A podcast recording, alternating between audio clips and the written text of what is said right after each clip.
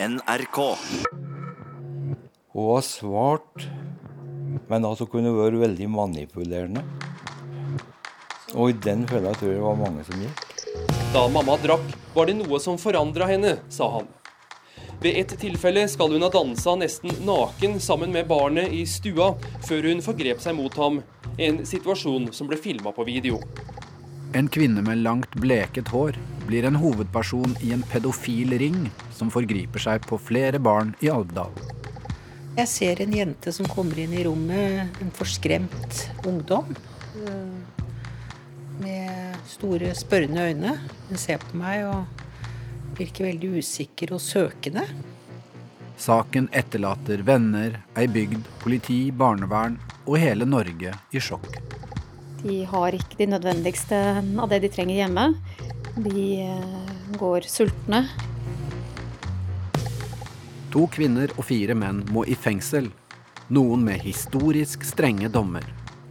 De kaller henne for tante. De får jo en slags omsorg. Det er jo et hjem der. Og eh, det utnytter hun.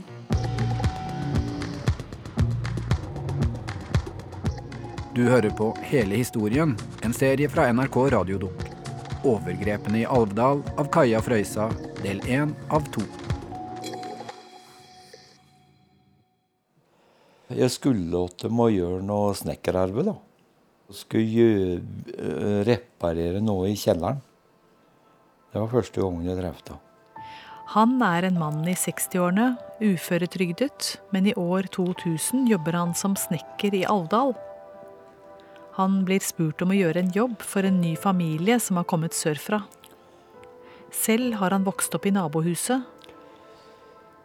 Moren i den nye familien har langt bleket hår. Og virka egentlig Til å begynne med så virka egentlig beskjeden. Jo da.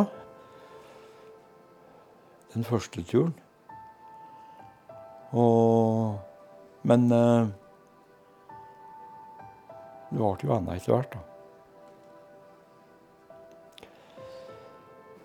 Så ble du forelsket i henne. Ja. Hva var det du falt for? Sjarmen. Og så Da følte jeg hun var veldig lett å prate med.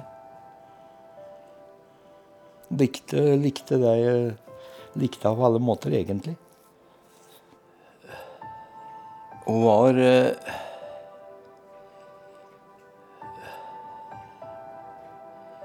Hun var svart, men at hun kunne være veldig manipulerende. Og i den fella tror jeg det var mange som gikk. Var mange menn som ble fascinert av henne. Ja, alle. Alle ble det. Kvinnfolk òg. Lurte alle. Fikk folk akkurat dit hun ville.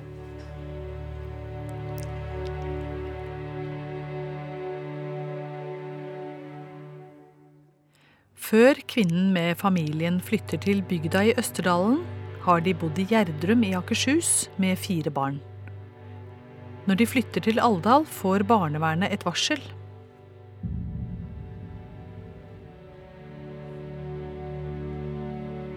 På 90-tallet lever familien et tilsynelatende vanlig liv i Gjerdrum.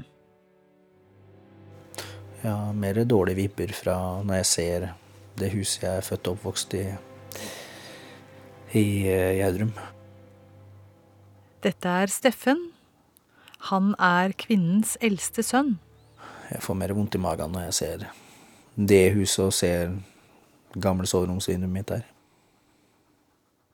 I huset i Gjerdrum bor Steffen og lillesøsteren sammen med mor og far, inntil moren kaster ut barnefaren. Hun finner seg raskt en ny mann som flytter inn i huset. Nei, han var øh, Virka veldig ålreit øh, kar når, vi, når han blei kjent med han, og som jeg husker i dag, da. Når barna er tre og fire år gamle, gifter hun seg med den nye mannen som blir barnas stefar. Stefaren har en spesiell interesse for cowboyfilmer, amerikansk countrymusikk og våpen. Tøff uh, Tøff barndom etter uh, etter stefaren min flytta inn, så da han ble, ble fysisk hardere og hardere Eller hardhendt når han lekte og de tinga der. Og så gikk det over på rett og slett fysisk vold etter et år eller to. Og da liksom ble det veldig Da ble det veldig tøft, da. Allerede i 1991 tikker den første meldingen inn til barnevernet i kommunen. Det er noen som er bekymret for Steffens lillesøster. Steffen skal ha fortalt at stefaren er mørkredd og tar med seg jenta i sengen om natten. Moren med det sjarmerende ytre tar kontakt med hjelpeapparatet første gangen når jenta bare er ett år gammel. Hun har problemer med å oppdra datteren. Både barnevern, skole og helsesøster skal de neste årene få flere varsler om jenta. Men de blir lagt bort alle sammen. I alle barneårene får Steffen slag og spark av stefaren. Det var jo veldig an på humøret hans og hva som skjedde. Det kunne uh, gå uh, uker, måneder mellom uh, hver gang, og det kunne være tettere. Det var ikke noe godt. Du gikk jo og småtrippa litt, var liksom, måtte være litt forsiktig med hva du hva du sa, liksom. Følte jeg. Du, du gikk liksom med en sånn litt øyer i, i nakken. Sånn hva, hva, hva skjer? Men Steffen kan stort sett komme og gå som han vil. Så derfor var jeg veldig mye til å sykla, traff venner. Så rett etter skolen så var det liksom uh, rett hjem, kaste fra seg sekken, ut igjen, sykle, treffe forskjellige venner. også. Og så, var det hjemme igjen sånn uh, mellom sju og åtte, og så var det å spise litt, og så var det å legge seg igjen. Så da, liksom, da var dagen gått. For søsteren er det annerledes. Hun får ikke gå ut etter skolen, og etter hvert blir hun låst inn på rommet sitt når hun kommer hjem fra skolen. Nei, jeg ser en jente som kommer inn i rommet, en forskremt eh, ungdom. Anne Kristine Bohinen er jentas bistandsadvokat. Hun treffer henne første gang når hun er i 13-årsalderen. Store, spørrende øyne. Hun har et spørrende blikk. Hun ser på meg og virker veldig usikker og søkende. Jeg ser at hun er eh, alene, uten omsorg, ensom. Hun forteller ingenting. Hun forteller ingenting på år, hun, hva hun har vært utsatt for. Hun klarer ikke å sette ord på det, hun. Det klarte hun ikke før eh, flere år etterpå. Det må ha vært i hvert fall over ti år etterpå hun klarte også å si hva hun hadde opplevd. Men det var en brutal hverdag. Hvordan hun ble oppdratt, hva hun skulle si på skolen, hva, slags holdninger hun skulle ha til menn. Om en stefar som kjempet ut på jordene kriget med noen amerikanske flagg og noe greier og noe våpen og I Gjerdrum blir jenta holdt isolert når hun ikke er på skolen. Hun har ingen venner og er annerledes enn de andre barna. Det at hun oppfører seg rart, blir forklart med at hun kan ha Aspergers syndrom. Ifølge moren er hun en lystløgner som forteller de utroligste ting. Den velstelte og omgjengelige moren med langt, hvitt hår har ofte møter med skolen der hun forteller hvor fortvilet hun er over den vanskelige eldstedatteren. Altså, jeg har i mange år tenkt at hun har vært utsatt for alvorlige seksuelle overgrep. Lenge før hun fortalte meg det, fordi hun hintet hele tiden. Altså, jeg kjente at det, det var noe hun gikk og ruget på. Det var noe som ikke klarte å komme ut. Ordene klarte ikke å komme ut av munnen på henne. Hun klarte ikke å sette ord på det. Og det strevde hun med i veldig mange år. Og det medførte også at jeg var litt for overivrig da, jeg, da hun endelig var til eh, avhør hos politiet. Kom igjen, da. Si det, fortell det. Det er ikke så farlig når troll kommer ut i sola, så sprekker de osv. Men eh, ordene satt fast langt inne i halsen, langt inne i sjelen. eh, første gangen overfor meg på mitt kontor i Pilestredet Park. Da fortalte hun at hun hadde vært utsatt for seksuelle overgrep. Men hun klarte ikke å fortelle hva slags og på hvilken måte og hvordan og ytterligere omstendigheter. Men at det var moren som hadde utsatt henne for det. Og stefaren.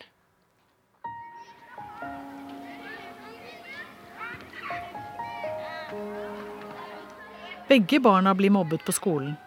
Bl.a. fordi de har rare klær på seg. Ja, jeg var vel ikke akkurat uh, verdens mest uh, populære, tror jeg. Så,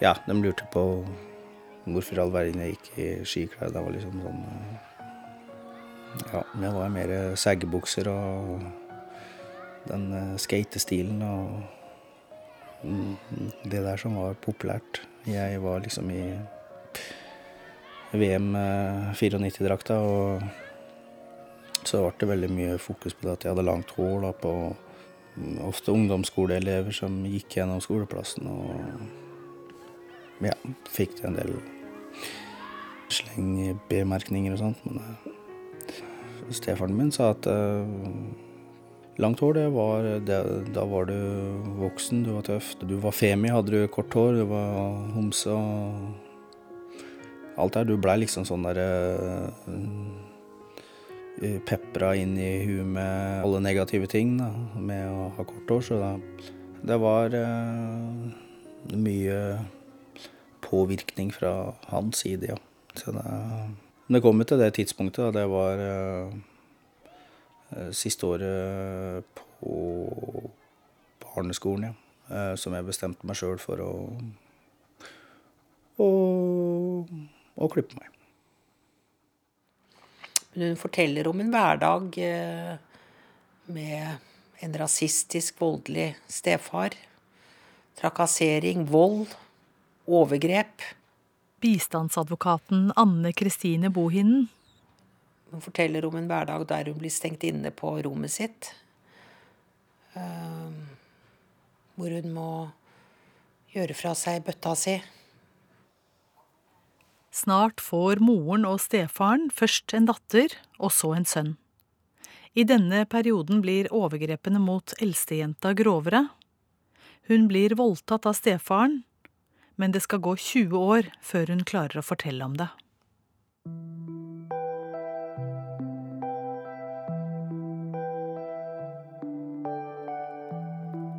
I år 2000 flytter familien med Steffen og de to små nye halvsøsknene til et hvitmalt hus langs veien i naturskjønne Alvdal. Huset skal senere bli kjent i media som Skrekkens hus. Moren har bestemt at eldstejenta skal bli igjen i Gjerdrum. Hun forteller om at hun ble kicket ut før mor reiste til eh, Alvdal hvor hun måtte sitte ved veien og vente på at fostermor, en venninne av mor, igjen skulle plukke henne opp. Og sekkene med klær kom susende ut av vinduet, eller ble satt ved siden av søppelbøttene. Jeg husker ikke helt. Både moren og stefaren har avslått tilbudet om å medvirke i denne dokumentaren. Og så fortalte hun jo om grove seksuelle overgrep fra både mor og stefar, da. Det er noe som sitter i meg, da akkurat den historien.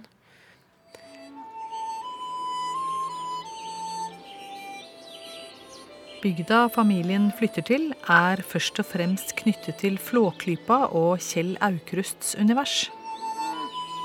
Ikke lenge etter at familien kommer til Alvdal, flytter faren ut. Men moren får snart en ny kjæreste. Snekkeren som skulle reparere noe i kjelleren, skal bli en av flere som faller for kvinnen som nylig har flyttet til bygda med familien. Det var både turbulent og For det var litt sånn til og fra. For hun var, hadde et veldig vanskelig hjemmet til tider. Og akkurat som hun sokk ned i sin egen verden, og så stengte alt annet ute. Og ble, hun ble veldig mørk til sinns, liksom, altså. Og stengte seg vekk. Hva det, men hva det var som gjorde det, det vet jeg ikke. Jeg ble jo tuppa ut, da. Så det sto, når jeg kom tilbake til jobb, så kunne det stå en søppelsekk på trappa med klær til og sånn, og så var det bare å dra. Snekkervennen bor i huset i perioder sammen med kvinnen og barna, til de gjør det slutt. Ja, fire-fem år. Sånn til og fra.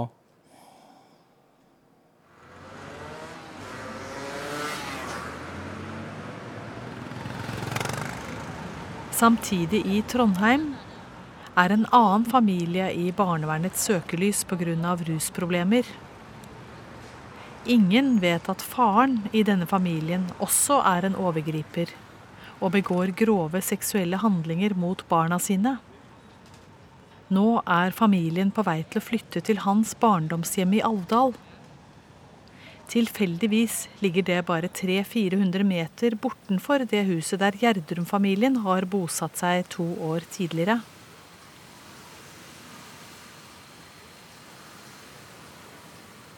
Faren i Trondheimsfamilien er broren til snekkeren og skal senere bli omtalt som nabofaren. Nå kommer han og kona til Alvdal med to av barna sine. Da var det Trondheim kommune som, som eh, for lengst skulle grepet inn og overtatt omsorgen for henne og broren. For det er jo det er grov uforstand i tjenesten. Jenta i huset der den nye familien flytter inn, har fortalt sin historie tidligere her i NRK. Hun fortalte om en barndom preget av rus og omsorgssvikt så langt tilbake hun kunne huske. Hun har vært igjennom eh, Jeg vet ikke. Jeg tror ikke vi kan sette oss inn i det, egentlig, hvor ille det er. Og Anne Kristine Bohinen er bistandsadvokat, også for nabodatteren. Å tørre å sette ord på Unnskyld uttrykket faenskapen. Sette ord på det. Det skal, skal ha ganske sterke skuldre for å bære det. Og integrere det også og si ja, jeg er, jeg er et offer fra Alvdal eller fra Gjerdrum eller hvor det måtte være. Jeg har opplevd det og det. Et barn som lever i krigen eh, fra morgen til kveld. Og som er i de voksnes vold. Blir utsatt for grov, grove traumer da, og vold, seksualisert vold. Ja. Det har ikke vært lett. Det har, vært en, det har ikke vært noe barndom. Hun hadde ikke tillit til noen. Null tillit til voksenverdenen. Ingen å henvende seg til. Ingen å søke hjelp hos. For meg vil hun alltid være en kriger i mine øyne, den jenta der. Sterk og intelligent. Og øh, hun var veldig, veldig, veldig skadet. Også om den nyinnflyttede familien kommer det bekymringsmeldinger pga. barnas oppførsel. Men de blir foreløpig boende hos foreldrene. Der kom eh, foreldrene seilende eh, med kjent og veldig tung bakgrunn. Og det var bekymring på bekymring på bekymring som ble meldt inn, både før eh, fødsel, altså under graviditet, etterpå og, og etter når jenta var liten. Og det skjedde ingenting.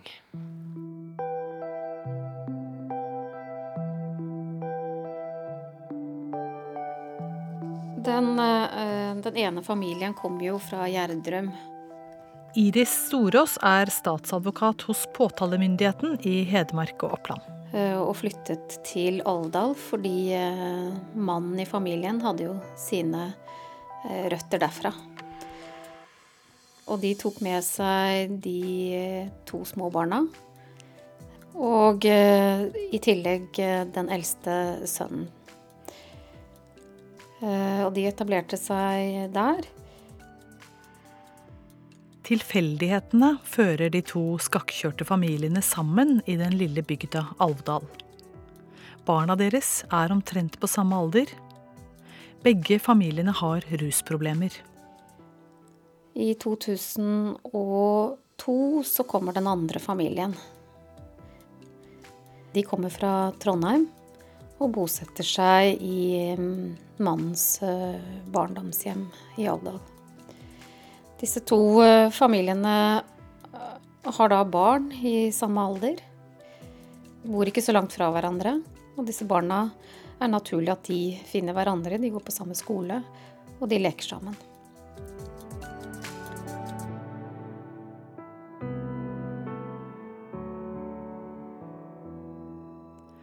Det skal utvikle seg et pedofilt fellesskap med flere voksne i den lille bygda i Østerdalen. Moren til barna fra Gjerdrum blir en hovedperson i det som snart skal bli kjent som Alvdal-saken. Nabobarna er utsatt for en betydelig omsorgssvikt. De har ikke de nødvendigste av det de trenger hjemme. De eh, går sultne.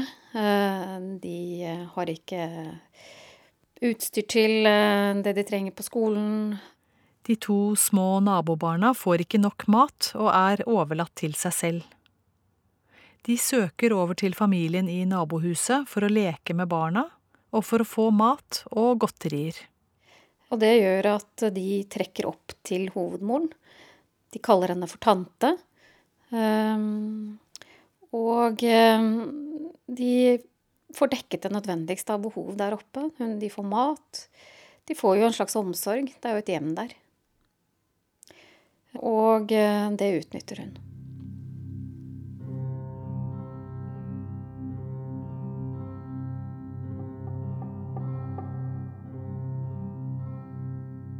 I 2003 ble vel det, da. Snekkeren har på dette tidspunktet fortsatt noe kontakt med moren i Alvdalhuset. Da var bror min og, og dama og guttungen ute i H2 ja, som hadde, hadde rusa seg på et eller annet narkotisk stoff. Jeg vet ikke hva for noe, for jeg har ikke noe peiling på noe av det der. Hun ringte til meg om kvelden og sa og da hørte jeg at de var rusa. Og så dro jeg utover, og da satt de på stua der alle sammen, alle fire. Og, og da var de tydelig rusa hele gjengen. Og da sa jeg det at skal du gå i den fella der en gang til, sa jeg til. Broren har tidligere mistet omsorgen for sine to eldste sønner. Og da hadde han bodd oppe i Trondheim i mange år, så han hadde lært seg trønder. Så sa han det at 'jeg skjønner, jeg skjønner hva du mener', sa han. Ja. Og da ble jeg fly forbanna, for å si det pent. Så sa jeg da at nå skal jeg hvis jeg, om ikke ringer til barnevernet, så ringer jeg i hvert fall til politiet, sa jeg. Og da ringte jeg til politiet og anmeldte dem om kvelden. Om morgenen etterpå så hadde politiet hatt razzia og funnet litt narkotika og brukerutstyr. For det sto i avisa dagen etter.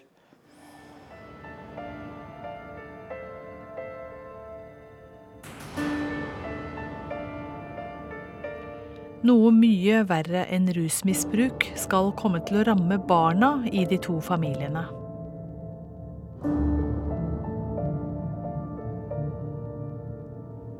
De skal bli tvunget til å kle seg nakne. Mens kameraet går, får de beskjed om å gjøre det de voksne sier. Og de voksne hindrer dem når de forsøker å flykte ut av Det hvite huset For de rundt er det som senere blir rullet opp, helt uforståelig. Ja, det er i hvert fall dette siste av vært det. Hun får det liksom ikke til å henge i hop at det er dette med rusen og dette, men eh, resten det skjønner jeg ikke. Jeg har jo aldri sett noen antydning til noe sånt til noe. ikke sant? Men er det bevist, så er det bevist.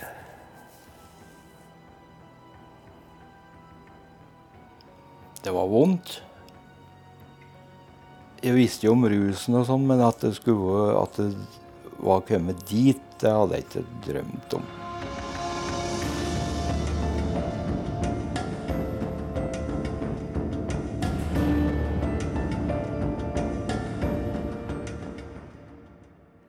Snekkeren vil ikke lenger ha noe med broren sin å gjøre.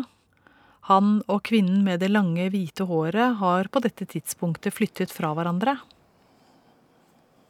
Men Så du noen gang at hun gjorde noe mot barna? Nei. Aldri. Så det var et sjokk for deg da du fikk høre det. Det var det. Men nye menn kommer til i huset hennes. Det første hun spurte er du alene, har du lyst på å bli kjent med en ny dame? Han er bonde og driver en gård litt oppi lia. Nå skal han bli den nye samboeren til den velstelte kvinnen. Jeg ble sjarmert av henne, for hun var så veldig hyggelig og eh, snill og hadde tid til å sitte og prate og drikke kaffe. og... Han forteller for første gang om møtet med kvinnen fra Gjerdrum. Vi har forvrengt stemmen hans. Og så hadde jeg en voksen sønn som hadde lyst til å hjelpe meg med ting, for jeg var alene på gården. Så det var eh, startskuddet. Noen år senere skal politiets søkelys rettes mot ham. Han blir den hovedtiltalte i Alvdal-saken. Hvor lang tid tok det før du flyttet ned til eh, hennes eh, hus fra gården din? Det ble en glidende overgang, men det var først uh, ca. to-tre år etter bekjent med at uh, jeg ble uføretrygda. Da uh, bodde jeg mer eller mindre der nede. Hvordan var livet i huset? I Alvdal-huset? Eh, det var veldig kaotisk. Det var eh, stille og rolig enkelte gang, og plutselig så var det fullt kjør. Eh, nei, det var kaotisk.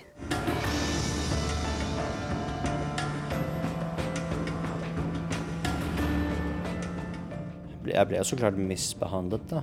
Seksuelle ting og hvordan moren inviterte de mennene, da.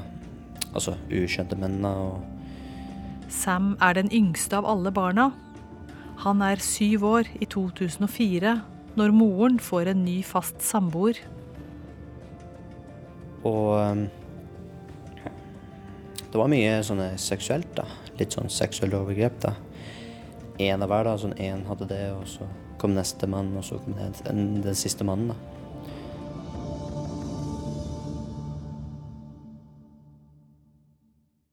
Barna i de to husene er lekekamerater, og de to guttene blir bestevenner. Jeg hadde egentlig ikke så mye venner, eller Jeg vet ikke hva som skjedde med han, men jeg var veldig god venn med han. Eller på en måte bestevenn, egentlig. Men øh, etter hvert så har jeg bare blitt veldig borte, og fikk aldri møtt han igjen. Men jeg vet ikke om jeg kommer til å møte han igjen, og det, kanskje, ikke han, kanskje ikke han har lyst til det, og det må jeg respektere, altså. Men uh, nei, jeg er en god venn. Helt til, helt til han flyttet, da. Så det var trist. Men de kom til dere og var, var sammen med dere mye hjemme i huset? På en måte det, ja. Men de besøkte mest hos oss, og vi hadde gøy. og Vi var på samme alder, og jeg likte veldig, han veldig godt. Ja. Sam har aldri tidligere fortalt hvordan det var å vokse opp i det som i mediene skal bli omtalt som Skrekkens hus i Alvdal. Når uh, moren min ble full, da. At jeg følte meg veldig utrygg, da. Måtte liksom gjemme meg og på en måte holde meg kanskje i rommet og prøve å sove, da. For av jeg var redd, da. Mens de mennene som de kom besøkt, eller en av dem, da, altså hadde sånn sex med meg og Sam og søsteren er opplært og tilvendt seksuell omgang med voksne, Og det er ikke nødvendig med vold og trusler for at de skal gjøre som de voksne sier. Det ble litt sånn De hadde sex med meg, da, på en måte. da. De bare, de bare sånn runka og Altså kukken og det. og Jeg følte meg litt sånn rart. Gutten fortalte at mora var påvirka av alkohol de gangene hun forgrep seg mot ham. Da mamma drakk, var det noe som forandra henne, sa han. Ved et tilfelle skal hun ha dansa nesten naken sammen med barnet i stua, før hun forgrep seg mot ham, en situasjon som ble filma på video. Jeg var veldig ubehagelig. Utrolig ubehagelig når, når mormor ble full. Hun var som en annen person og en sånn djevel da fra henne. Det var sånn en djevelside av henne da, når hun blir full. Både Sam og søsteren får diagnoser av typen autisme og asperger. Jenta blir beskrevet som psykisk utviklingshemmet. Symptomene ligner på det barn utvikler når de blir utsatt for grov omsorgssvikt. Ifølge moren er barna hennes annerledes, og hun blir betalt av kommunen for å være hjemme med dem. Klarer du å beskrive liksom hverdagslivet hjemme? Du kommer fra skolen, Hva, hvordan er det? Og når jeg spiste mat, så spiste jeg egentlig bare mest sånn brød med smør eller Ikke så mye sånne grønnsaker. Ikke, ikke vann. Jeg drakk ikke vann. Jeg spiste ikke noe som var sunt. Jeg spiste sånn spagetti, pizza, potet. Ja, men de fortalte jo om, om det som var uh, hverdagen. Anne Kristin Lindkjølen er politioverbetjent og koordinerer etterforskning av seksuallovbrudd i Hedmark. Og hvordan uh, maten var. Uh, de fikk jo mat. Men at De forklarte jo at den var ganske ensformig. Det ble nevnt pizza margarita litt forskjellige mengder med salt gjorde at smaken endret seg fra gang til gang. Barna i nabohuset kommer ofte på besøk. De får mat og godteri. Men maten er næringsfattig og ensformig. Kanskje ikke noe næring, kanskje. Kanskje mangla noe vitamin der og vitamin der. Så nå tar jeg sånne Biovit, Han satt mye på rommet sitt, han yngste spilte.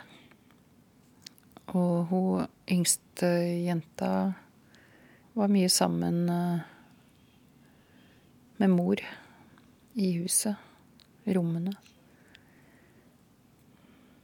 Han yngste gutten eh, snakker eh, også om nabobarna, at de lekte sammen. Nei, Oppdragelsen der var at hun fungerte bra på skole etter det jeg forsto. Men når hun kom hjem, så ble de plassert på sitt rom, og der var det overflod og leker og saker. Men dette med maten var at eh, barna ropte bestandig på 'nå vil jeg lyst på det', 'nå vil jeg lyst på det'. Og da var det mora som sto eh, som en tjener og sprang inn med mat. Hun var aldri på kjøkkenet og spiste. Sam, som er den yngste gutten, er åtte-ni år på denne tiden. Når, når vi var barn, um, så så vi alle sammen på én seng. La oss si at moren min, storesøster, og så en mann som kom i huset, eh, og så meg, da, på den samme seng, da. Vi hadde sånn alt sammen Det var sånn svær seng, da. Så vi var på en måte så nær i hverandre, da. Veldig, veldig uvanlig når jeg tenker over det, når jeg sier det. Um, jeg vet ikke om det var en dobbeltseng. Det føltes, det føltes ut som sånn fire seng, kanskje. Jeg vet ikke. Klynge sammen og Veldig, veldig rart. Jeg tenker på sånn, hva, hva, som, hva var det som var verst eh, for deg, tror du, sånn i oppveksten din? Mm, kanskje når, når moren min ble full, spesielt. Da hun ble sånn gæren og crazy. og Det var der jeg egentlig opplevde det verste. Hun blir bare Altså, hun blir sånn sånn gæren witch, la oss si. Sånn heks. Skriker og eh, eh, og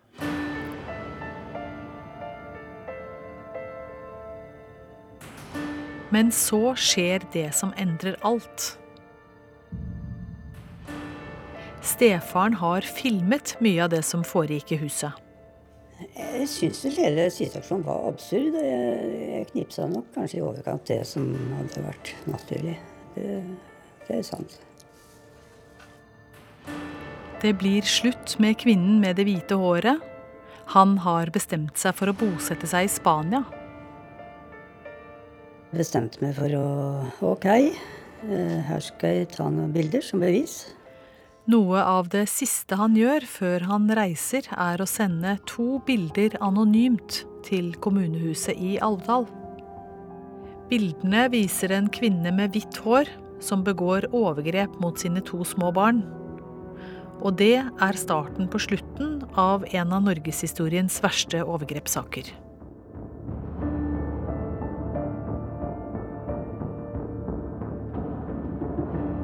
Men han aner ikke at kvinnen med det hvite håret har en fire minutter lang film som viser at han har samleie med den mindreårige datteren i huset. Nei, det visste jeg ikke. Og det har jeg tenkt mye på, hvordan det hadde foregått, den uh, filmen. Det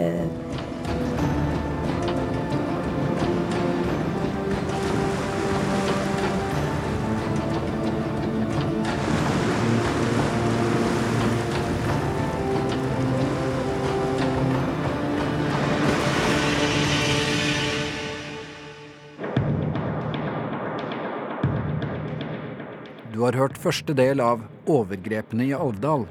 Følg historien videre. Vi stusser litt over atmosfæren der. Det er ganske litt sånn mørkt og dystert. Eh, svart sofa, svarte gardiner, svarte lys.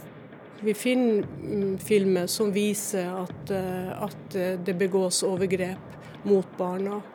Eh, av han sjøl og av hovedmora. Vi eh, ser også at det er andre menn til stede på disse filmene.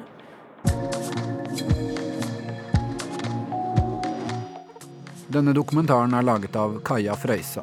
Lyddesigner Kjetil Hansen.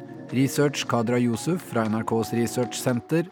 Jeg heter Kjetil Saugestad og svarer på alle e-poster sendt til radiodok at nrk.no. NRK.